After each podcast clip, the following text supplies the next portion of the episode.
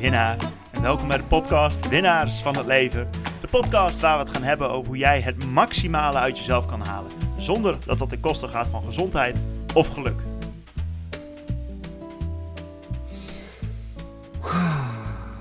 Hey Rick. Hey Gerben. Hallo winnaar en welkom bij het derde seizoen van Winnaars van het Leven. Met Ja, we hebben vandaag eh, Jimmy Jansen in de aflevering. Jimmy. En eh, Jimmy, Rick, wie is Jimmy? Jimmy is eh, ademhalingsexpert. Ja, vandaar komen die, die ademhalingen. Ja, dus Ja. Jij, jij dacht dat je goed kon ademhalen. Nee hoor, je bent helemaal nergens. Ja, nee, je denkt, ik doe het al mijn hele leven. Maar Jimmy Jimmy- zal je even uitleggen wat nou echt ademhalen is. Ja, en dat was wel leuk. Jimmy die gaf ons ook al gelijk een mooie tip. Wat je Ja. iedere dag eigenlijk kan doen. En moet ook eens zeggen, sinds dat hij die tip heeft gegeven, doe ik dit elke ochtend. En ik merk toch wel een, een, een redelijk energieverschil gedurende de dag. Ja, het, het is echt lekker. Het is wel even werken. Dat is iedere keer toch Ja. weer het geval. Want Jimmy gaf ons als tip om 100 inademingen. Dus zegt... En dat dan 100 keer ongeveer. Ja, het kost je 4, 5 minuten elke ochtend. Dat is Ja. net niks natuurlijk. Daar heeft iedereen tijd voor. En ik moet eerlijk zeggen, heel veel mensen zeggen, ja, de meditatie, daar moet ik 15, 20 minuten gaan zitten. Daar heb ik allemaal geen tijd voor. Maar dit is dus nu 5 minuten en ik denk dat ik een beetje dezelfde fase daarin bereik. Lekker. Ja, Lekker. Nou ja, dus dat is één van de vele tips van Jimmy. En eh, nou, we gaan het vandaag echt over van alles hebben. Eh, we gaan het over profvoetbal hebben. We gaan het over rechtenstudies hebben. Maar Ja. voornamelijk gaan we het hebben over hoe je kunt leven. Want volgens Jimmy is adem leven. leven. Leven. Adem is leven. En als één iemand leeft, is het Jimmy. Ja, die jongen die is echt, die, die straalt blijheid en energie uit. Gast, ik zou gewoon lekker beginnen met deze podcast. Ja, dat gaan we Veel doen. plezier. Oké, dames en heren, welkom bij eh, het derde seizoen. Yay, Hey. Leuk. En we zitten vandaag met een fantastisch mooi mens. De enige echte Jimmy Jansen. En Jimmy heeft in een ver, ver, ver verleden heeft hij rechten gestudeerd. En daarna is hij zijn eigen onderneming gestart in het verkopen van sokken per één. Dus een half paar sokken kon je kopen. hij, hij trouwt af en toe mensen. Echt fantastisch. Hij is model, cocktail shaker en barista geweest. En voornamelijk creatief, zou ik, eh, zou ik je noemen.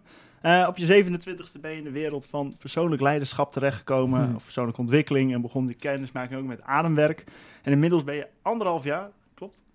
Eh, ja. Anderhalf jaar ademcoach. En heeft al veel mensen, waaronder mijzelf, begeleid in ademhalingssessies. En eh, nou ja, dit is nogal een mengelmoesje, Jimmy. En nou, dit was het intro. Blijf ik al weg. Doei. Hey, als je dit hoort, Jimmy, vind jij jezelf dan een winnaar van het leven? Oh, een Ja. leuke vraag. Ehm, nou, absoluut. Want ik, Hell yeah. ik verlies niet meer van het leven. Oh, lekker. Ja. Ik denk als je die periode beschouwt van toen en ook daarvoor. Wat is toen? Nou ja, vanaf de 27 waar je het over had. Mhm. ehm, en daarvoor in allerlei bochten wringen om iedereen te vriend te houden behalve ikzelf. Ja, toen was ik wel dik aan het verliezen. Ja. En ik denk dat ik vanaf die periode dat ik dat, dat persoonlijke pad mocht gaan bewandelen. Ja, toen ben ik wel eh, daarmee begonnen met steeds meer winnen. En wa- wat is dan, in ieder geval, is dan winnen voor jezelf kiezen? Ja, Oh ja. ja. Duidelijke- daarmee- duidelijke ja En daarmee voor anderen. Hoe meer, Mooi. hoe meer jij voor jezelf doet en voor jezelf mag doen, hoe meer je er uiteindelijk iets voor een ander kan doen. Want dan doe je het omdat je het leuk vindt en niet omdat je het idee hebt dat het moet om te overleven. Als jij zegt, je moet eerst voor jezelf zorgen, dan pas kan je voor anderen zorgen. Hell yeah. En, en Nou, hoe... dan kunnen we hoe- meteen stoppen, dit is hem Ja. Oké, punt. Ja, ik, hoe- ziet dat er dan uit? Dat je voor jezelf... wa- Wanneer een voorbeeld van wanneer kies je voor jezelf? Dat je echt dacht zo, toen heb ik voor mezelf gekozen. Ehm,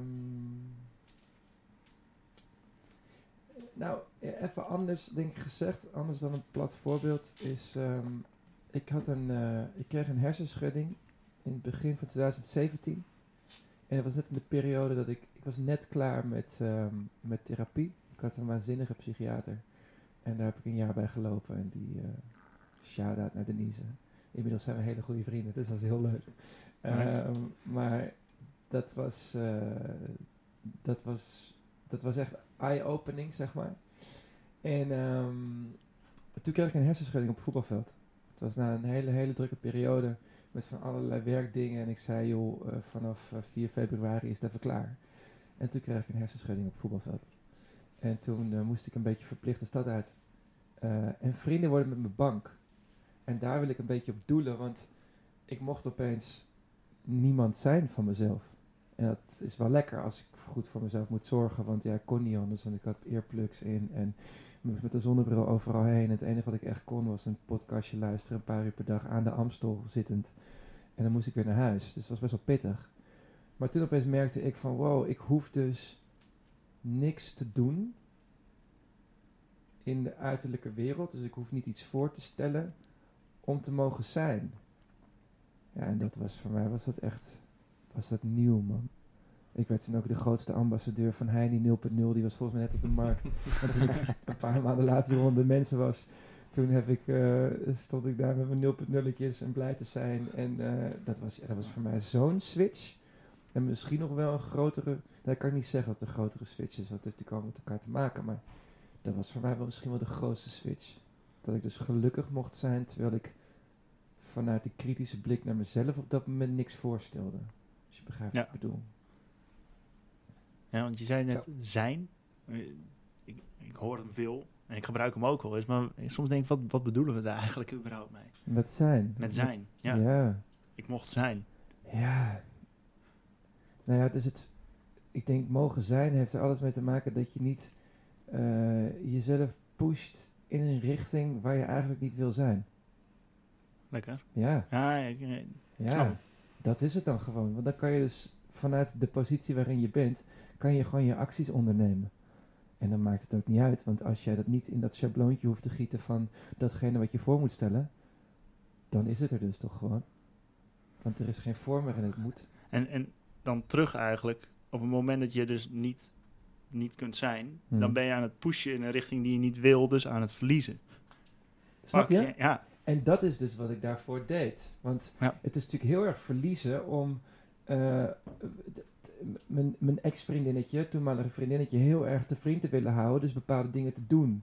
Ja, want dat is voor het geluk van ons samen of zo. Maar dan ben je te knijterhard aan het verliezen. ja. Want zij verliest, want ik doe niet wat ik wil. Dus doe ik iets wat ik denk dat zij wil. Nou, dat is natuurlijk het laatste wat ze wil. Want je, neemt, je neemt ook aan, zeg maar, wat jij denkt dat zij graag zou willen. Uiteraard, want dat, dat ontstaat vanuit dezelfde blikken, vanuit hetzelfde schabloon. Mhm. Ehm, maar het, het moment is dat je gewoon die jasjes uittrekt. En ik zoals laatst zat ik weer even zo te tekenen naar van oké, wat, wat, wat doe ik in het leven? Wat vind ik nou belangrijk? Wat is nou echt mijn why? En mijn why van mijn leven is hetzelfde als mijn why in mijn, in mijn bedrijf. Dat is gewoon zuiveren. Zuiveren, meer niet Van? van dat wat er is. En dat is in de sessies met de mensen die er komen. En dat is in mijn leven mezelf. Elke dag weer een stukje zuiverder. That's it. Prachtig. Waar voel ik nog een ding waar ik iets voor een ander doe? Dat voel je meteen in je lichaam. En dan kan die soms nog wel eens mijn mond uitflappen. En dan denk ik wel Ja. van, ja, maar dat ga ik morgen niet meer doen. En Nou, ja, mooi. Ik vind dat je een, een mooie... Je ziet het in ieder geval goed voor Ja. je, Jimmy. Dat Hmm. zeker. Dat zeker. Ik vind dat we al redelijk verder diepte ingaan. Oh ja. Maar ik zou eigenlijk graag nog eerst een stukje terug willen. Ehm, want jij bent ook profvoetballer geweest. Ik heb er tegenaan gezeten. Laat ik het zo, laat ik het zo noemen. Ik heb in mijn jeugd heb ik eh, altijd bij Elingwijk gevoetbald. Elingwijk in Utrecht. En dat was een satellietclub van PSV. En eh, volgens mij in die tijd dat ik er speelde was er ook nog geen D'tjes noemden ze dat toen. Dat zou nu onder 11, onder 12 heten of zo. De FC Utrecht had die niet, dus wij waren dat dan een beetje. Oké. Mhm. Dus wij, wa- ja, wij, ja, wij voetbalden allemaal dan vier, vijf, zes keer per week. En dat was dan het hoogst van, eh, van wat je kon voetballen in de jeugd. Ehm, dat heb ik gedaan tot mijn zeventiende. Dus als laatste jaar aardje ben ik toen naar de hoofdklasse zondag gegaan. Wat toen nog het hoogst was van de amateurs. En eh, daar ging ook nog wel stiekem wat zwart geld in om en zo. Dus ik heb mijn eerste baantje, zou ik zelfs willen zeggen, eh, was voetbal. Lekker. Ja, mooi. Wat, wat verdien je dan? Jongensdromen. Eh, 75 euro per maand of zo? Oh, ja. nee, dat was wel ex-premies. Dus ik weet nog wel dat ik, daar aan tafel kwam bij die club. In Hilversum. Eh, ik ben opgegroeid in Hilversum. Dus ik, ik, ik ging daar voetballen. Of ik wilde daar gaan voetballen. En toen zat ik daar aan tafel. En toen zeiden ze van... Mijn vader was mee. Ja, 17. Dus ik- ja. Zaakwaarnemer. Alles soort van. Accountant, hè. Die kunnen beter bij ja, ja, dit is lekker.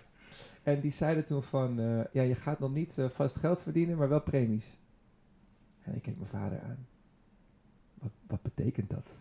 Weet je wel, nou, wist ik veel dat daar duizenden euro's per maand bij topspelers in omloop gingen. Gewoon een envelopje op de donderdag. Ja, dat wist ik niet. Ehm, maar eh, ik kreeg dan op een gegeven moment premies en we werden kampioen. En ik kreeg aan het einde van het jaar, toen ik 18 was, kreeg ik opeens 500 euro extra, want we waren kampioen geworden. Ja, wist ik veel. Ik was gewoon godse blij dat we kampioen waren. Niet dat ik daar 500 euro extra van kreeg of zo, weet je wel. Dus dat was een gekke, gekke tijd, gekke wereld, maar waanzinnig. Lekker. Als we, als we even teruggaan wat we net zeiden, zou je die tijd ook als zuiver willen ervaren? Want je klinkt wel heel kinderlijk blij als je hierover praat. Ja, nou dat is zo grappig hè. Dat is denk ik toch de, de, de paradox of zo. Ik had het er vandaag nog met mijn moeder over. Ehm, ik zou het allerliefst even een paar maandjes willen doorbreken. Gewoon een beetje invallen bij Ajax, weet je wel. Gewoon, gewoon, gewoon dat meemaken, zien hoe dat is. Ja. Dus daar zie je er echt een kinderlijke blijheid bij ontstaan. Die is er nog steeds. Want ik vind het spel nog steeds waanzinnig. Ik voel Ja. me zo Ja. blij op het Mhm. veld. Maar Eerlijk. ja, precies de reden waarom het daar zo onzuiver was, was dat ik daar niet hoorde. En dat ik daar niet wilde zijn. ja. Ik had gesprekken met een trainer, die, die, die kon moeilijk zeven, zeven woorden achter elkaar zeggen. Dan moet je net mij hebben met eh rechterstudie, waar je zo meteen waarschijnlijk op terug gaat komen. ja, dat is, dat is niet prettig. En dan heb je een, een, een, nog een feminien ventje ook in een, in een mannenwereld. Ja, nee, dat, dat paste niet. Dus het was alleen al onzuiver om ja, daar te zijn of zo. Als je begrijpt Ja. wat ik bedoel. ja, in die, in die wereld zelf. Ja, Ja. terwijl het spel Ja. zelf is Ja. natuurlijk hartstikke zuiver. Ja, ja, dat... dat Ja. nou ja. Inmiddels misschien wat minder, maar... ja, kijk, alleen al als je nu zegt, wat, wat, als je naar de profwereld kijkt en waarom en wat voor geld erin omgaat, ja, dat, is, dat maakt het wel heel onzuiver. En daar, daar, Ja. daar word ik wel een beetje... En, en wat, wat zou je dan eruit willen halen als je bij Ajax invalt? Nou, vooral, kijk, dan heb je dus, zo ben je onderdeel van zo'n selectie. Heb je Mhm. gewoon een rugnummer in de selectie van Ajax. Ja, dat Ja. is toch gewoon het hardst wat er is. Staat op je 14. cv, hè? Dat soort dingen. Ja, ja, ja. Toch? Ja. En dan kan je gewoon eventjes zo... Kijk, ik kan nu van de buitenkant niet bepalen wat daar gebeurt. Ik zie een Jurien Timber doorbreken en ik- mijn hart gaat, maakt sprongetjes omdat ik dit zo'n zo'n vette gast vind. En ook hoe die voetbalt, wat hij doet. Weet je wel? Maar ik weet niet hoe het daar in de kleedkamer gaat. Is Tadic een lul? Is het een hele aardige gozer? Ik heb geen idee. Is Ten Hag een goede trainer? Ik heb geen idee. Want we maken deze mannen niet 40 uur, 60 uur per week mee. Het lijkt me zo lekker om dat gewoon een keer te zien, te voelen en in de ogen te kijken. En dan te snappen van, oh, dus dit is hoe het in de wereld is een hele andere Ja. manier van naar, eh, naar het voetbal kijken nu, hè? Toch? Ja, Ja, nou ja. zeker. Want eigenlijk het enige wat jij ook zegt, het enige wat we zien is het anderhalf uur op het veld. Nou, en ja, dan- want interviews en Nou ja, hoe mensen ja, praten daarin. exact. Maar daarin maken we een Dat beeld. zou- wat het is. En, Ja. en- die leren van jongs af aan wat je niet mag zeggen. Over onzuiverheid gesproken, mediatraining. Zo, ja. Wat is dit dan? zo. Krijgen die gastjes van, van jongs af aan krijgen ze overbetaald en mogen ze niet eens zeggen wat ze vinden? Dat is, Ja. ja, i- sorry. Dat, dat is, dit is de grootste onzuivere business die er is. Ja. En tegelijkertijd is het mooiste spel paarden. Ja, Zo. lastig. Ja, heel lastig. lastig. Feel. Hey, wat, wat ook lastig is, is dat jij, eh, nou, jij komt eh, mega creatief over op dit moment. En je praat over zuiverheid en hele andere manieren van naar voetbal kijken. Eh, en je had het net al even over rechten. Hoezo ben jij rechten gaan studeren? Wat is daar gebeurd? Nou ja, dat is wel een heel makkelijk bruggetje. Want ik was 17 en ik voetbalde gewoon de hele dag. En ik wilde profvoetballer worden. En ik had een heel goed stel hersens. En ik had natuur en gezondheid gedaan als, eh als vak in combinatie met een extra vak Spaans. En dat deed ik eh, fluitend naar achteren. En toen dacht ik van ja, ik ben 17, ik wil naar de universiteit. Want ja, als ik niet nu ga, dan ga ik nooit meer. Want ik vind school namelijk helemaal niet leuk. En toen ben ik het, eh, de standaard studies erbij gaan pakken. Ik wist dat ik naar Amsterdam wilde. Ik was naar een open dag geweest op de Oude Manhuispoort. In een stukje historisch gebouw, centrum, whatever. Ik was een beetje verkocht. En er was niks wat, Ja. ik, wat ik echt leuk vond. Dus ik dacht, nou dan kies ik iets waar ik in ieder geval geld mee kan verdienen later. Nou ja, dat denk je misschien als je 17 bent. Ja, nou, ik, ik, kon niet... Weet je, kon ik denken toen ik 17 was? Dat is Nou ja, beter dan je trainer in ieder geval. Dat, dat, Nee, ja, dat, eh, zeker dat. Maar dat is zeg maar dus... Weet je, het is... Als, je, als, als, als, als ik in mijn geval vijf keer per week voetbal... en gewoon veel aan school besteed... en veel thuis wil zijn... eh, vriendjes heb... Ja, dan ga, en daar een bepaalde gevoeligheid ook voor inlever... Ja, dan, dan... Ik ben op dat moment niet ingetuned met wat ik echt wil. Dat is precies de reden waarom er tien jaar later natuurlijk... eh, een, een crash ontstaat. Ja. Omdat ik daarheen moest waar ik nu ben. En heb je er uiteindelijk wel veel van meegenomen van die rechtenstudie? Ehm, nou, ik heb hem afgemaakt. Ik was eh, nog net 22 toen ik mijn master haalde. En ehm, ik heb er wel nog wat van onthouden, denk ik. Wat dan? dat, een, eh, dat een wetboek uit drie delen bestaat. Ligt eraan welk, welk merk wetboek je hebt. En dat ze heel dik zijn en dat er hele moeilijke taal in staat. Zo, hoe- ik vraag me ook echt af, hoe haal je dat? Want als je eigenlijk veel creatiever bent, hoe ga je dan zo... Ja, Ja, staccato daar doorheen. eh, Dat is een Knap. leuke vraag, want ik haalde mijn propeduizen in het eerste jaar met twee vingers in mijn neus. En toen eh, haalde ik in twee studiejaren tot de tentamenzomer van het derde jaar, ik geloof 25 studiepunten. Dus dat is echt niks. Er zitten Ja. 60 in een jaar. Dus ik had er aan het Oh. einde van het derde jaar had ik er 85. Toen dacht ik zo van ja, maar ik ben eigenlijk iets te slim hiervoor. En ik wil hier ook niet zoveel tijd meer aan besteden. Toen dacht ik, nou weet je wat, laat ik één tentamenzomer gewoon echt mijn best doen. En ehm, antwoord geven zoals deze mensen willen dat ik antwoord geef. Dat kan ik wel, denk ik. Toen heb ik in één zomer 50 studiepunten gehaald. En toen, eh, en toen had ik hem bijna, ja, en toen had ik mijn bachelor bijna. En toen had ik een half jaar mijn bachelor. En toen dacht ik in master, nou weet je wat, nu weet ik hoe dit moet. Toen heb ik gewoon een jaartje mijn master gehaald. Maar of ik het leuk vond, ja, dat is het Ja, tweede. ja. En als we dan gaan kijken, hey, wat heb je er verder nog uit meegehaald naast het rechten uit de rechtenstudie, dus, dus voor je eigen persoonlijke groei? Nou, ik denk academisch denken dat het wel lekker is. Ja? Ik had er echt zin in ook, toen. Wat, wat houdt het in? Academisch denken? Ja, eigenlijk best wel krom denken. Een is- rechtenstudie waarin je krom denkt. Ja, Ja, Ja. lekker. lekker. Ehm, Moet ik krom denken zie- zien als creativiteit dan? nee, ja, creativiteit in intellect. Dus dat is, dat is heel iets anders dan creativiteit. Maar gewoon een... Ik weet niet, ik heb wel het idee gehad dat er bepaalde vakjes in mijn brein zijn opengegaan vanwege de universiteit. Mhm. En of ik daar uiteindelijk in mijn leven echt wat aan heb gehad... Ja, volgens Ja, dat mij is is altijd de vraag natuurlijk. volgens mij is precies datgene wat je niet op school leert, daar heb je wat aan in het leven. Dus het is, Ja. weet je wel, van alle dingen waar ik, waar ik in de diepte echt wat aan heb gehad, dat moest ik mezelf leren of dat moest ik ergens gaan halen. In ieder geval uit eigen beweging. Eh, wat is natuurlijk heel jammer is, maar dat kan ik het een andere keer over hebben. Ehm, Nou. eh, dus ja, wat heb ik er feitelijk aan gehad? Ja, je weet natuurlijk, natuurlijk niet hoe het- is eh, Nee. als je niet had gedaan natuurlijk. Nee, exact. Ja. exact. En wat wel heel mooi was, is dat ik echt hulp kreeg dus van mensen uit de wereld. Dat ik op een gegeven moment echt gewoon maar ging solliciteren, want ja, ik wist het anders ook niet. En dat iemand gewoon echt bij, eh, bij Kennedy van der Laan, bij, een, eh, bij, het, bij het kantoor van onze wijle burgemeester, gewoon echt tegen mij zei van de hoofd HR, die zei, joh Jimmy, hartstikke leuke sollicitatie gehad, maar dat gaat hem gewoon niet worden man. Ehm, ik zou je zo aannemen, want ik vind je echt geweldig en volgens mij word je een waanzinnige advocaat. Alleen zie ik het aan niks op je cijferlijst en op je prestaties.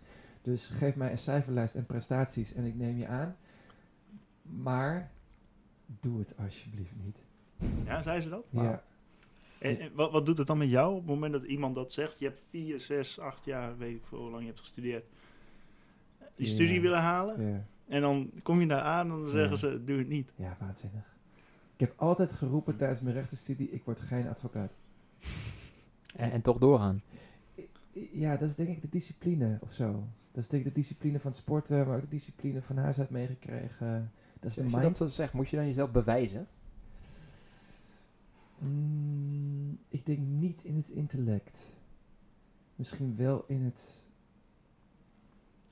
Ik heb, wel, ik heb wel graag aan mijn vader willen laten zien dat ik het kan. Ja, dat absoluut. Wat, wat, wat wilde je kunnen? Eh, het, het leven zoals hij dat leefde. Want hij is advocaat. Of? Accountant. Oh ja, tuurlijk. Ja. Ik heb stage gelopen ook echt op in zijn accountantskantoor.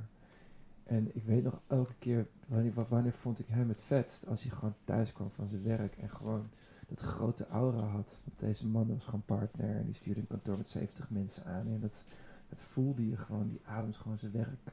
Ja. Dus dat was, dat was zo. En ik denk dat, daarin, dat ik daarin wel wat contact wilde vinden. Ik denk dat hij pe- met pensioen moest om mij op een gegeven moment te vertellen van hé, hey, ik had echt tijd nodig, vrije tijd nodig om te snappen hoe jij je leven leeft. En Ik ben trotser op je dan ooit. Ah, mooi. Dat is heel mooi. Ja. Zo. Ja. Maar Wanneer heeft hij dat gezegd? Ik denk een jaar nadat hij tegen mij zei van eh, stop eens met die sokken en ga eens een echt werk vinden. Eh, Duidelijk, duidelijk antwoord. ik denk daar ergens, ja. Ik, zou, Ja, ik zou daar toch op zich wel even weer op willen inzoomen. ja. Hoezo verkocht je een enkel paar sokken? Zeg maar, een enkel, ja, zonder dan een paar. Ja, Half paar. Een half, ja. nou, voor mij een, een, een, een stukje postpuberale of neopuberale fase, net hoe je het wil zien. Ik was 24. Ik had net te horen gekregen, het laatste, laatste setje dat ik nodig had om geen advocaat te worden. Ik dacht, ja, wat ga ik dan doen? En ik droeg altijd heel erg opvallende sokken en dat deed toen nog niemand.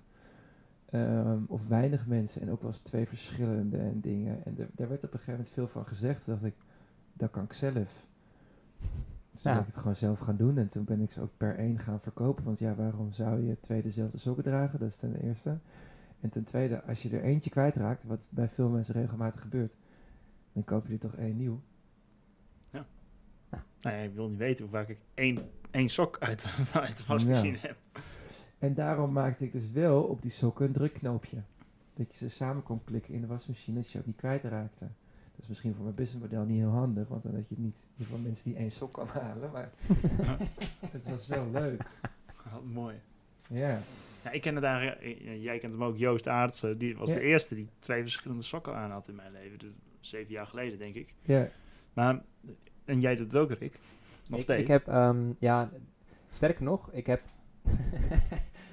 ik krijg heel veel happy socks en dat soort dingen. Mhm. En ik heb dus, ehm, nu met, met Oekraïne heb ik de helft van al die, die andere sokken, die heb ik dus eh, gestuurd naar Oekraïne. En ik heb dus nu ook maar één paar, of één, één- ja, hoe noem je dat dan? Eén Eén sok half paar, één sok paar. van elk paar in mijn Ja. kast liggen. En de andere helft zit dus in Oekraïne. Ja. Dus ja, eigenlijk ben ik jouw businessmodel voor mezelf aan het Spread the one sock. spread the one sock. Ah, Ja. mooi. Ja, leuk. Dan doet tenminste nog iemand het. Toch? Ja, nou ja, exact dat. En, Ja. en ja, op mi- microniveau stimuleert het gewoon creativiteit. Je moet gewoon nadenken, hé, wat matcht bij elkaar? Of niet? Ja, ja, is echt zo. Ja. Ja, is echt zo, ja. Dat, ja eh, is- Nou ja, even een, eh, een side ja, note. even een side note. Maar ehm, zul- zullen wij richting het ademen gaan? Ja, want ik... eh, wat, ehm, waarom is dat zo lekker, Jimmy? Ademen. Ja. Nou ja, kijk, heel veel lucht in je lichaam pompen. Met heel veel zuurstof daarin. Kijk, zuurstof is waanzinnig voor je lichaam. Echt waanzinnig. En eh, we zijn een beetje vergeten hoe we dat eh, kunnen gebruiken in plaats van dat het ons gebruikt. Want ja, die 20.000 keer per dag dat je dat doet, hoe vaak ben je er bewust van? Nou, heel weinig. Dus je hebt het idee van, ja, dat kan ik. Alleen tegelijkertijd, als je echt even een goede teug adem neemt, dan merk je wat het verschil is tussen hoe je normaal ademt en hoe je anders doet als je een teug neemt. En wat is dan het verschil tussen, nou laten we het even normaal ademen en, en, en een teug nemen? Wat, wat Ja, met een teug bedoel ik nu vooral een zucht. Zeg maar, dus het moment dat je even diep ademt, dan Mhm. voel je al zeg maar hoe lekker dat is. Zullen we dat gewoon even met z'n allen doen? Ook, ook als je nu luistert, even één keer heel diep ademen.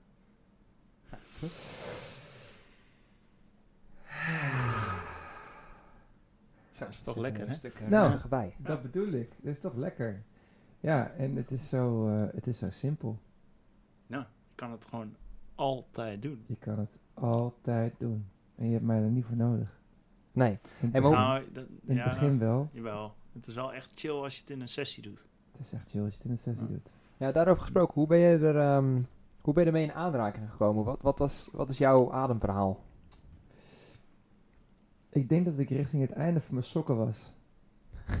einde van mijn sokkencarrière. Ja, ik ben van de bruggetjes, hè. Ja, van de rode heerlijk. draad. Ik neem even voor jullie op. Nee, maar het is wel... Ik was, ehm, ik had een, ik had een, eh, ik, ik was een jaar of 27 denk ik of zo. En toen had ik een moment in mijn leven dat het gewoon echt heel duidelijk was dat ik niet mijn leven leefde. En niet mijn leven voor mij leefde. En je was niet aan het winnen. Ik was absoluut heel hard aan het verliezen. En wat ik op dat moment daarmee won, was een blackout op de zondagmiddag. Einde zondagmiddag ik liep over de Kinkerstraat met mijn toenmalige vriendinnetje. En ik kon niet meer, niks meer. Dus ik kon niet meer lopen, ik kon niet meer praten, ik kon niks meer. Dus ik moest even gaan zitten. Dat heeft een paar minuten geduurd. En toen dacht ik wel van, oké, dit is, dit moet anders. Dus toen ben ik gewoon begonnen. Kwam, kwam, sorry dat ik je onderbreek, maar kwam dit door stress, door... Wat, wat was... echt een optelsom van. Ik, ik, ik denk dat ik toen heel vaak de, eh, de analogie gebruikte van je moet een elastiekje maar net zo lang draaien, dan knapt het op een gegeven moment. Ja. En zo zag ik het zelf een beetje. Van ik bleef me zoveel bochten wringen Oh, dat ik ja. gewoon knapte. Letterlijk. Gewoon ik kon niet meer. Ik kon gewoon niet meer doen wat ik deed. Dus ik moest het anders gaan doen. Ja. En die, dat wist ik ergens wel, maar nooit helemaal. Dus toen eh sneltreinvaart langs uh, regressietherapeuten, eh, andere dingen, psycholoog van de huisarts. En toen na een maand of negen zoeken kwam ik op een retraite van Your Lab terecht, van André Platil. Eh, dag of vijf, zes in de bossen ergens in Baren sliep je ook en zo. En er waren familieopstellingen, er waren ecstatic dance, er waren stilte sessies, er was van alles en nog wat. En er was adem. Bij de man bij wie ik dit nog steeds doe, die me opgeleid heeft, nu een, nu een best wel goede vriend is geworden inmiddels, Tommy, Tom van Huistee. En die deed dat samen met zijn vriendinnetje, faciliteerde dat en we waren met 70 man of zo. Ze lagen Zo. in ruimte met 70 man te ademen ja, en ik lag erbij als een of andere verbogen paperclip. En eh, ik dacht, what the fuck is dit? Maar dit is, de, de- hoe lang, wat voor ademsessie was het dan? Ja, daar dan een uur? adem, eigenlijk een beetje zoals ik dat dan nu doe, op mijn manier. Ik denk dat we een uurtje bezig zijn geweest. En je moet je voorstellen bij de adem, wat gebeurt er als je zoveel zuurstof binnenlaat? Het iets wat we noemen tetanie. Eh, ongeveer 50% van de mensen heeft dat. Dat betekent dat er een verkramping ontstaat. Die verkramping heeft een energetische lading, zoals ik dat zelf zie of ik het zelf zou beschrijven. Maar dat betekent tegelijkertijd ook dus dat er gewoon iets naar buiten moet waar je een worsteling mee gaat hebben. Nou, ik lag zo in alle, in alle, in alle hoeken en gaten en ik kon erin blijven. Dus ik dacht ook van wow, dit werkt voor mij zo goed. En na dat ene uur voelde ik gewoon meteen, yo, dit is gewoon, dit is gewoon voor mij. Ja. Hey, even voor de mensen die niet regelmatig een ademsessie volgen. Ik weet Gerben dat jij dat hebt gedaan. Ik heb het zelf ook gedaan. En nou, Jimmy lijkt mij dat jij dat eh, regelmatig doet. Kan jij ons even meenemen? Wat, wat gebeurt er tijdens zo'n ademsessie? Wat is daar specialer aan dan normale daagse ademhaling? Nou, dat begint al met dat als jij in, het normale, in de normale dag ademt, gebruik je maximaal 40% van je ademcapaciteit. Als je bij mij komt ademen, gebruik je 100% van je ademcapaciteit. En dan ga je ook nog eens een keertje actief ademen. Dus je gaat van het ademen ga je dus op dat moment je activiteit maken. Dat betekent dat je bewust aan het ademen bent. Daarmee ga je ademen op plekken waar je eigenlijk op een gegeven moment niet meer komt. En, en hoe, hoe adem je dan? Via de mond naar de buik. En dan volledig in. volledig in. Zeg maar, soms wat krachtiger, soms niet. De luiere mensen moeten veel krachtiger ademen. De veel te krachtige mensen moeten iets luier ademen. Daar vinden we wel een weg in samen tijdens zo'n Mhm. sessie. Maar wat gebeurt er dan is dat je eigenlijk ga je dus de verbinding herstellen zoals die bedoeld is. Wat doen wij als we gaan ademen normaal en niet over nadenken? Hoe meer stress, hoe meer dingen, hoe meer je dingen vastzet. Dus je buik is eh, je aarde, je energie, je inspiratie, je leven. Er zit alles in, alleen daar doen we weinig mee, omdat schrikmaris bijvoorbeeld, zet je die buik vast. Dus daar moet je gewoon doorheen ademen, wil je met je beide pootjes beter in de grond zakken. En dat is eigenlijk waar we mee beginnen, met iedereen, als die voor het eerst komt ademen. Die verbinding met die buik herstellen. En, en bedoel je dat ook met plekken waar je niet meer komt? Dus dat de zuurstof niet in je lichaam op de juiste plekken komt. Ja, ja, Dus dan heeft je, je lichaam met spieren... kom- komt zuurstof in die spieren, bedoel je Ja. dat? En daar heeft heel veel spieren hebben eigenlijk geen zuurstof. zoiets ja. En ik denk dat daar zeg maar ook dus een stukje verkramping in ontstaat. Maar dus dat gebeurt er inderdaad. En het is tegelijkertijd is je, je ademt eigenlijk van nature vanuit je stuitje. Ga maar eens kijken naar de mensen, hoe weinig mensen vanuit een stuitje ademen. Heel Hoe, veel wer- hoe mensen. werkt dat dan? Je, je adem start gewoon in Ik je probeer stuitje. het nu ook gelijk. Ja, ik Ja, zit ja. ook al... eh, Gewoon ga maar eens bewust zeg maar, vanuit je stuitje ademen. Dat betekent dus dat je eigenlijk nog onder die buik komt. Ja, dat is, dus- dat is denk ik nu heel lastig. Ook omdat we praten en doen, maar het is ook omdat je staat. Maar het is, ehm, je oorsprong begint daar gewoon. Veel mensen denken ook dat je, dat je van boven naar beneden werkt, maar je weet van beneden naar boven. Eh, alleen dat al. Ja. Ja, Ja, ik- ja, ik herken hier veel, want nee, ik, hoe vaak ben ik bij geweest? Drie keer, denk ik. En, Zoiets, ja. dus- en daarvoor een paar keer gedaan. En wat ik dus merk, ik ben ooit gediagnosticeerd met een tekort rechterbeen. Ik vond dat fucking bullshit. Ik dacht, ja, volgens mij klopt dat niet. Ik dacht, volgens mij staat mijn bekken scheef. En nou, dat blijkt dus nu ook veel meer. En door dat ademen is, mijn bekken dus rechter aan het komen. En is mijn beenlengteverschil minder. Ja, en dus ook, dus het, die spieren waren verkrampt, er zat geen zuurstof in. En door dat ademen pomp ik er ook heel bewust die, die zuurstof daar naartoe. Mm. En komen mijn benen dus recht te staan. Mm. Ja, dat vind ik echt insane. Ja, Hoe- hè? Hoe gaat dat in zijn werk? Misschien dat we dat een beetje kunnen ontplooien of zo. ik Nou, ben daar wel heel benieuwd naar namelijk. Nou, op zich is dat denk ik. eh, ik ben een- even eh, de, van de kou, van de kou, hoe noem je dat? Van psychologie van de koude grond. Nee, maar van. Van de koude psychologie. maar het is zeg maar van, ik heb ook als mensen me vragen van, ik had gisteren, volgens mij had ik een, een soort interview van, hoe ben je hier gekomen, weet je wel? Van, ja, weet je, ik ben een, ik ben een straattherapeut, zeg ik dan. Want ja, ik heb het gewoon aan den lijve ondervonden. Ik heb een waanzinnige tool geleerd gekregen van een, van een ademcoach. En ik kon dit gewoon van moment één dat ik, dat ik in de opleiding kwam en ik moest dit doen. Dus dat, dat maakt het voor mij ook, weet je, dat, dat is even eventjes een side Min- Minder note. theoretisch. Ik ben helemaal niet theoretisch. Ik, ben Ja. gewoon, weet je, ik heb dit gewoon aan de lijve ondervonden. En ik kan jou vanuit mijn eigen zuiverheid vertellen wat ik zie. En dat is dan vervolgens aan jou of het resoneert of niet. Ik vertel je alleen intuïtief wat ik zie. Dus als ik hier ook over nadenk. Kijk, op het moment dat jij weer via je buik gaat ademen. Betekent dus dat jij weer je ruimte gaat innemen in je leven. Mhm. Nou, daar verandert al iets mee. Dat is één. Twee is, letterlijk kom jij in het gebied terecht waar de verkramping zit. Waar normaal dus ook die adem helemaal niet doorheen komt. Nou is het mooie dat zuurstof is de aller, heeft de allerhoogste trilling van de stoffen die je vindt in de natuur. Elk levend organisme gebruikt het voor de allermooiste dingen. Dat betekent dus dat als wij die zuurstof gaan gebruiken, waar een ongelooflijk helend effect in zit, als die komt op de plekken waar het eigenlijk vast zit, dan kan het vervolgens weer gaan doorleven, doorbloeden. Er ontstaat een stukje ontspanning en je been wordt langer. je, wordt, je, wordt, je wordt gewoon langer. Nou ja, dat is- ja, je gaat wel rechterop staan. Maar probeer het maar eens gewoon je hele lichaam vol te pompen met zuurstof. Je wordt gewoon langer. Je gaat Ja. rechterop staan en Ja, het- je spieren worden ook in een bepaalde houding gedrukt dat je rechtop staat.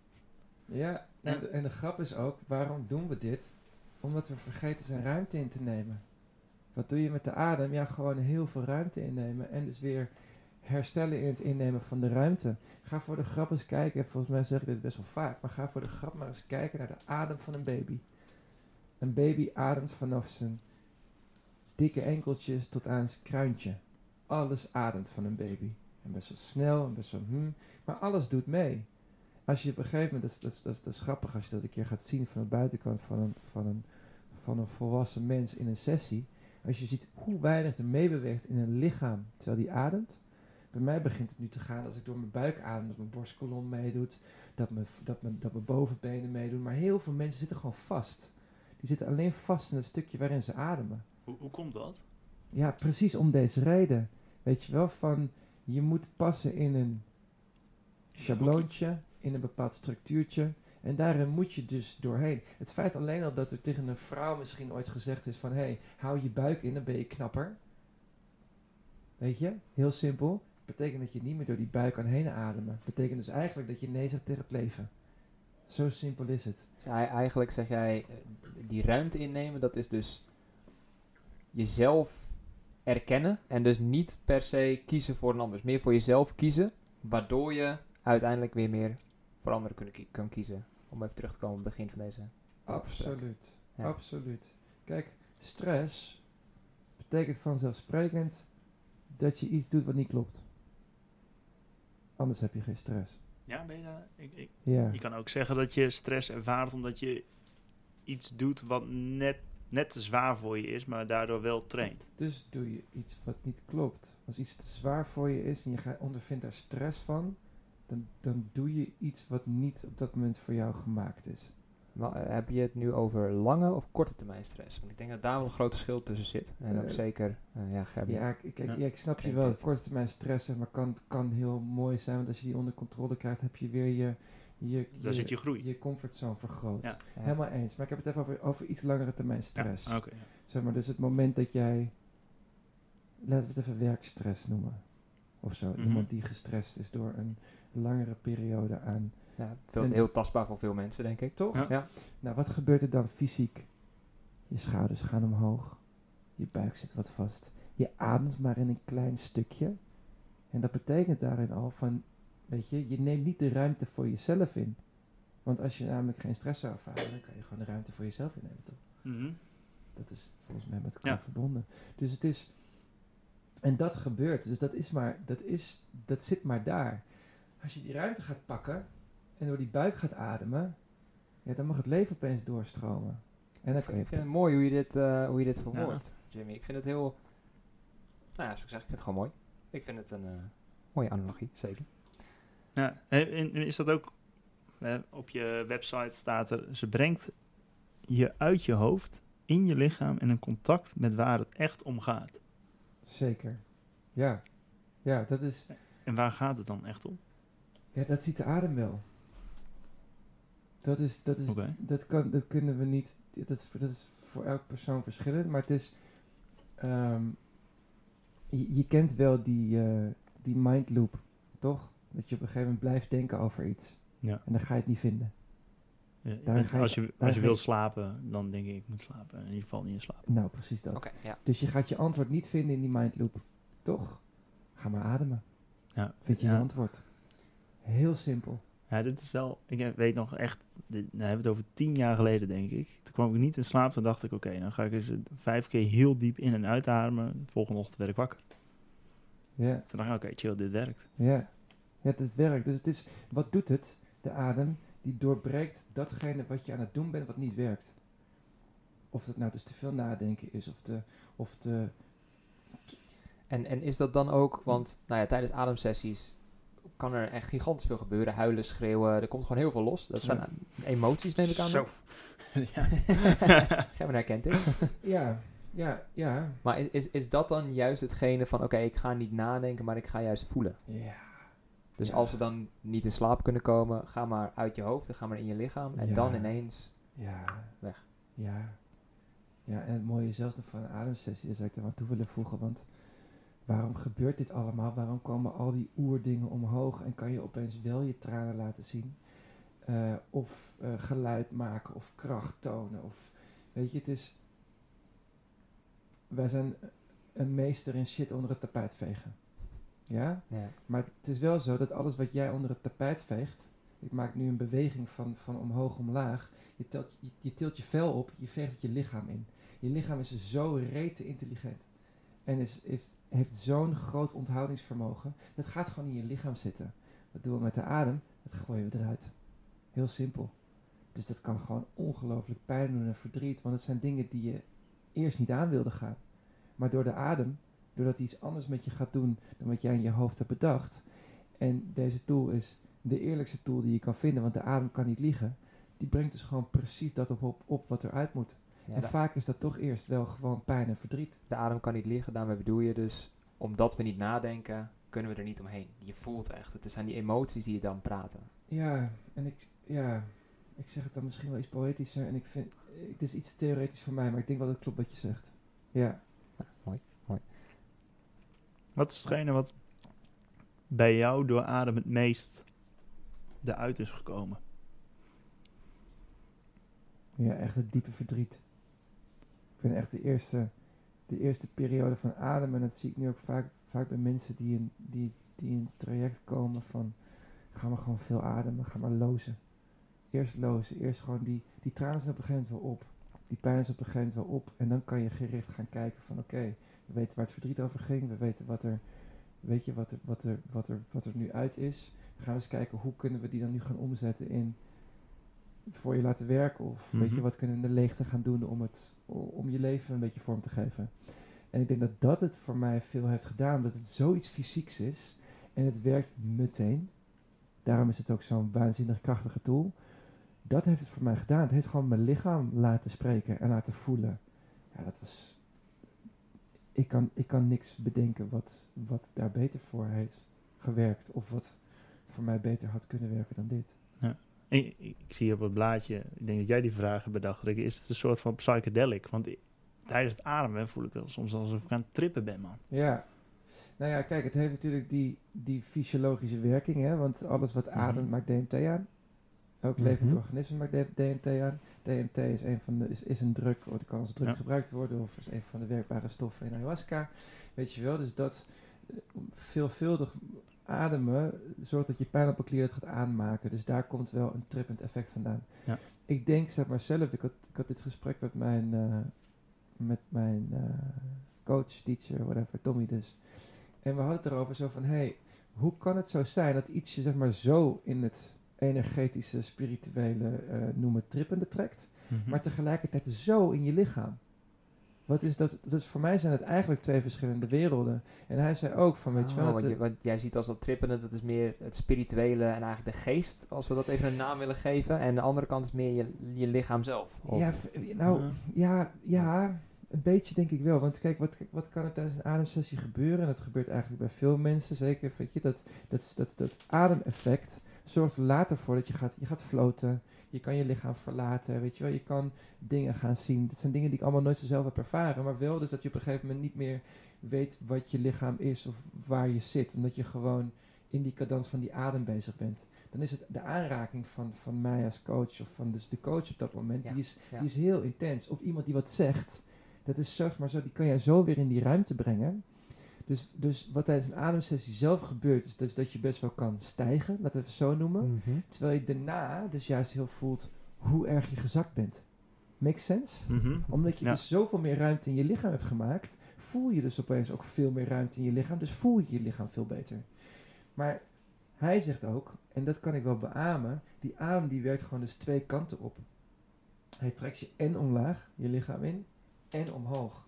En daar komen dus ook vervolgens al die inspiratie of beelden of eh, Ah. hoe je het ook Ja. hoe komt er vandaan.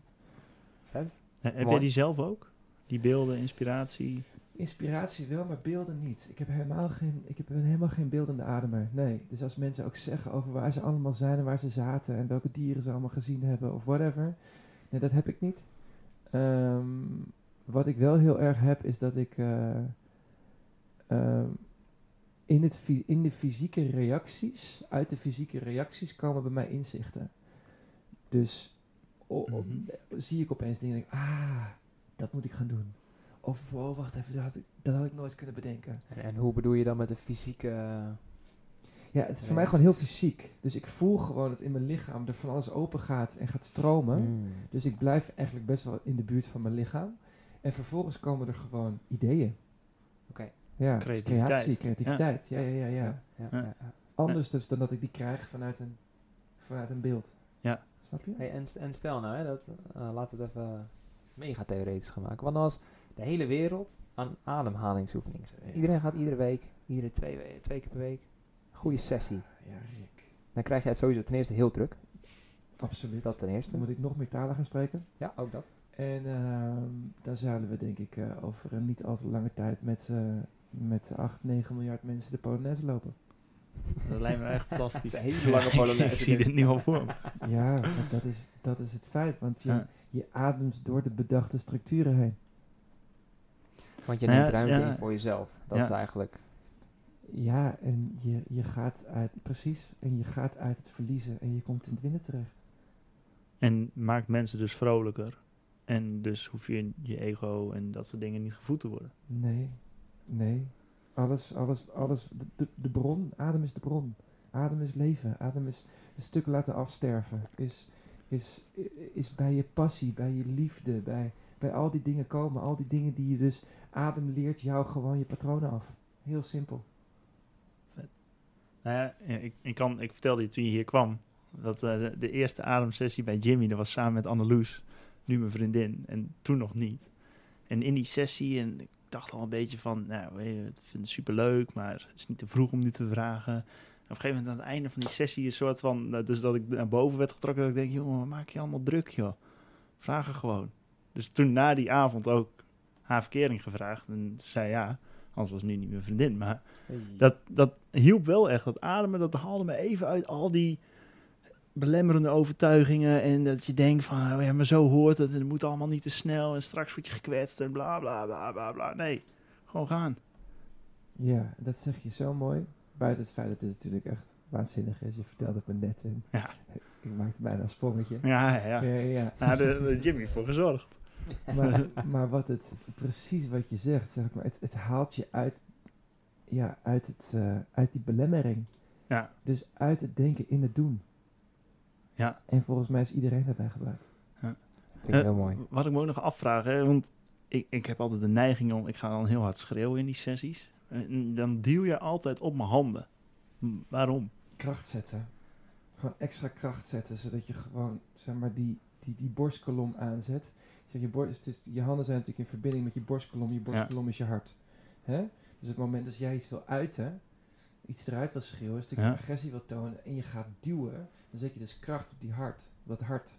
Ja. En daar komt dus gewoon extra liefdesenergie mee los. Soms pak ik de benen bij de mensen omdat ik het idee heb dat ze even iets meer mogen gronden. Of dat het bekken iets meer open mag. Of dat het, eh, het, het, het geslachtsorgaan meer mag stromen. Ja. Gevoelsmatig vanuit jouzelf ook. Puur intuïtief. Ja, ja. Puur intuïtief. M- Dat wil ik eigenlijk ook wel even, even benoemen. Ik, ik, ik weet niet precies hoe het is, want ik heb geen ademhalingssessie gehad waarin iemand dus ligt te schreeuwen. Begrijp je? Ehm, maar ik ben heel benieuwd, is dat dan niet mega storend voor andere mensen? En, want ja, je, je bent uiteindelijk met veel meer mensen in zo'n kamer over het algemeen. Nou, dat kan het absoluut zijn. Ehm, maar dat, het feit dat, dat het storend is voor iemand zegt weer iets over diegene. Aha. Want ofwel diegene is niet goed in zijn eigen ruimte innemen als er iemand is die meer ruimte inneemt. Dus dat is dat. Dus daar kom je eigenlijk al dus in een, in een mindfuck terecht. Die dus wordt aangezet door iemand die dat daar doet. Ja. Of je gaat mee. Vaak zie ik dat als iemand begint te huilen, beginnen er meer te huilen. Als iemand gaat schreeuwen, gaan er meer schreeuwen. Dus je kan elkaar ook juist helpen. En dat is natuurlijk heel simpel. Zelfs als je samen mediteert met de adem is het nog wel veel krachtiger. Je maakt gewoon een veld samen. Want je zit daar gewoon hetzelfde te doen. Dus daar zit iets tussen. Dus als iemand ergens aan trekt en dat, dat duwt bij jou, ja, dat, ja dat, dat, dat is dan op dat moment nodig. Mooi, Ja. mooi. Ja, je moet Ik er echt, echt een keer gaan. Ja, dan, dan ga ik wel Ja. met jou, want als jij dan loopt te schreeuwen, nou, dan, kun je gewoon meegaan. Ja. Ja, en Ja. Dat, dat is wel, dat merk ik ook vaak. Want ieder geval die keren dat ik er was, dan was ik de eerste die begon met schreeuwen. En dat het daarna wel gewoon een heel feest werd. Gingen we met z'n allen. Dan gingen we die Polo- Polonaise de Bron al toen. Ja. Ja, maar dat is ook echt mooi, hè? Want het is van als, als iemand begint, of ik heb zelf het idee van er moet even wat gebeuren, dan sta ik daar ook als, als een of andere generaal, sta ik daar gewoon te rammen in mijn handen van kom op jongens, weet je wel, gooi het er even uit. En het mooie is van als je ziet de mensen die het niet doen, daar ontstaat en een worsteling en ik weet gewoon oké, er zijn een paar die het gewoon wat moeilijker vinden, die hebben gewoon even wat aandacht nodig. Zijn er mensen voor wie het niet werkt? Ja, Wie Ja. zijn dat? dat zijn echt hoeveel, hoeveel zijn het er? Nee. Nou, ik heb het wel gehad. Ik heb het wel gehad dat ik dacht zo van ja. ehm, ik weet niet of het handig is dat je hier bent. Kijk, je moet het. Je, je, de eerste stap is het zelf dat je de drempel over moet. Hè? Mhm. Want het is. Ja, je gaat toch even iets. Je gaat even iets aan. En je hoort er ook wel van de verhalen dat het ook gewoon wel pittig voor je kan zijn. Je moet gewoon even uit je comfortzone. Je moet echt uit je comfortzone. Juist. En er zijn Mhm. genoeg mensen die erin willen blijven. Zelfs al komen ze. Dus in die zin wel gewoon gehad dat ik na een sessie zeg van... Hé, hey, weet je, voor deze eerste keer kan gebeuren. Ik zeg maar, weet je, bepaal even voor jezelf of je hier wil zijn. Want als je hier wil zijn, verwacht ik wel iets anders van je. Want ik heb iets nodig om mee te werken. Als je aan het begin van de sessie je, je bek niet opentrekt... maar aan het eind van de sessie een beetje geluid laat horen... dat is wat ik wil. Dus denk ik ook een beetje hoe het voor Mhm. jullie werkt, weet je wel. Van, we moeten dat oprekken. Ja. Anders kunnen we niet werken. Ehm, dus dan werkt het niet. Dus dan kan je, gewoon, dan kan je er gewoon echt beter niet zijn. Mooi. Nou Ja, ja, dat duidelijk. is ook goed om te weten inderdaad. Dus uit ja. je comfortzone. Ja, Of- dus dan de grote vraag voor wie is het? Ja. Je zegt het net zelf. Wat zou er gebeuren als iedereen op aarde dit zou doen? Ja, voor mij is dat i- echt het Iedereen. antwoord. Echt iedereen. Echt gewoon, weet je wel, van... Wat heb ik allemaal meegemaakt, man? Eh, mensen die na 54 jaar opeens hun lichaam gaan voelen. Die erachter komen dat er dat iets zo diep zit weggestopt... dat er misschien toch wel iets naars is gebeurd met hun vader. Eh, mensen die, die door één sessie verkering hebben gekregen. Ja. Mensen die durven afscheid te nemen van hun baan na één sessie. Je kan het zo gek niet bedenken. Je kan zo, en dat is dus het mooie eraan. Want je kan het zo gek niet bedenken. Dat is wat de adem je laat zien. Dus ben je klaar voor om zo gespiegeld te worden dat er verandering gaat optreden, ja, kom dan ademen. Maar ja, kom ook ademen als je een beetje stress ervaart. Of als je gewoon een keer een mooie ervaring wil. Dat is een mooie uitnodiging. Hoe, Ja. hoe, hoe kunnen ze jou vinden, Jimmy? Dat inderdaad. jimmyjansen.com Jimmy Jansen. Ja, easy denk ik. Dat, En inmiddels doe ik ook weer wat met Instagram. Dat heb ik een lange tijd niet gedaan. Tot ik na die eh retraite van die boys van werkatleet van Jeroen en Joep, Joep, eh, ja. Eh, had ik er opeens 40 volgers bij. Al die mensen bij die retraite waren geweest. Ah, dacht ik, ja. oh wacht eventjes, er staat nog helemaal niks op mijn Instagram over adem en zo. Misschien moet ik even wat gaan delen. En dat werkt opeens als een trein. ja, dat werkte. dat werkt. Want ik zag hem eh, op woensdag, eh, dus vijf uur, toen dacht ik, maar ik heb niks te doen zo. Om Zes uur stond ik bij. Ik kom er langs. Ja, ja, ja, ja. Ja, dus het is wel hoe, ja, hoe vaak per week doe je dit dan? sessies. Ja? Ik heb er denk ik nu tussen de 6 en de 8 per week. En dat zijn dan wel solo als eh, groepen. En, en hoe integreer jij dit voor jezelf dan? Bedoel je hoe ik de adem in mijn dagelijks leven integreer? Ja, exact. Elke ochtend. En, en hoe lang doe je dat dan? Of doe je gewoon een paar keer gewoon goed? eh, Een kwartiertje, 20 minuten. En eh, als mijn coach in het land is, want die woont op Ibiza. lekker. Mm, ja, mooie plek ook. Healing Mountain City. Dus doet hij goed daar. Met een, eh, met een eh, collectiefje. En eh, dan, dan, als hij er is, ben ik er. Want dan kan ik even weer met iemand. En het lekkere is, als, als ik weer even bij hem adem, denk ik, oh ja, wacht eventjes. Dit doet hij dus ook nog. eens. Daar kan ik wat van leren. Dus Ja. het is en gewoon voor mij openend en eh, het is tegelijkertijd college. Nice. Ja, mooi. Ja. Mooi. Hey, kun- kunnen we niet gewoon nu tien minuutjes, kwartiertje iets gaan doen? Terwijl de microfoon aanstaat. Ja, hoe, hoe kunnen we dat eh, fixen? Nou, ik, ik denk dat het misschien lekkerder is, dus dat we dat dit eh, apart opnemen. En dat mensen dit kunnen aanklikken als, zij dit, eh, als ze dit graag willen. Ja, oké. Ja. nou, Want ik bedoel, ik ben wel gemotiveerd om Ja, nu... eh, We kunnen nu niet, niet gaan ademen. Het Nee. is een soort van, de, tuurlijk gaan we dit doen. We kunnen het niet, niet, ga ik jullie ademen even? Ja, of we niet doen mee. Ja, of ik Maar nee. dat, dat- gaan we zo overleggen. Ja. dat is goed. Ja, we- ik- we- Als eerste wil ik jou even bedanken, Ja, Jimmy. wat? Sowieso. Fantastisch. Dus Leuk. ik hoop eh, dat wij jouw missie om eh, iedereen te zuiveren hiermee een klein beetje eh, olie op het vuur kunnen gooien. Zou leuk zijn. Dat zou heel vet zijn. Ik, Ja. eh, ik ben er zeker bij. De, nog even goed om te het is in Amsterdam-West, Houthavens, Ja. Danske Kade 8, Ja, jimmyjans.com. ja, Nou, gewoon komen, punt. ja. niet te moeilijk doen, gewoon gaan. Top. Ja. We laten dingen achter in de Spotify tekst en zo, hè. Zeker. Komt helemaal goed. Dat, dat, Klik gaan, het aan. dat gaan we regelen. Klik het aan. goed. Thanks Jim. Leuk jongens. Wij, eh, we gaan ademen. Ja, leuk dat ik er was. Dankjewel. Zeker.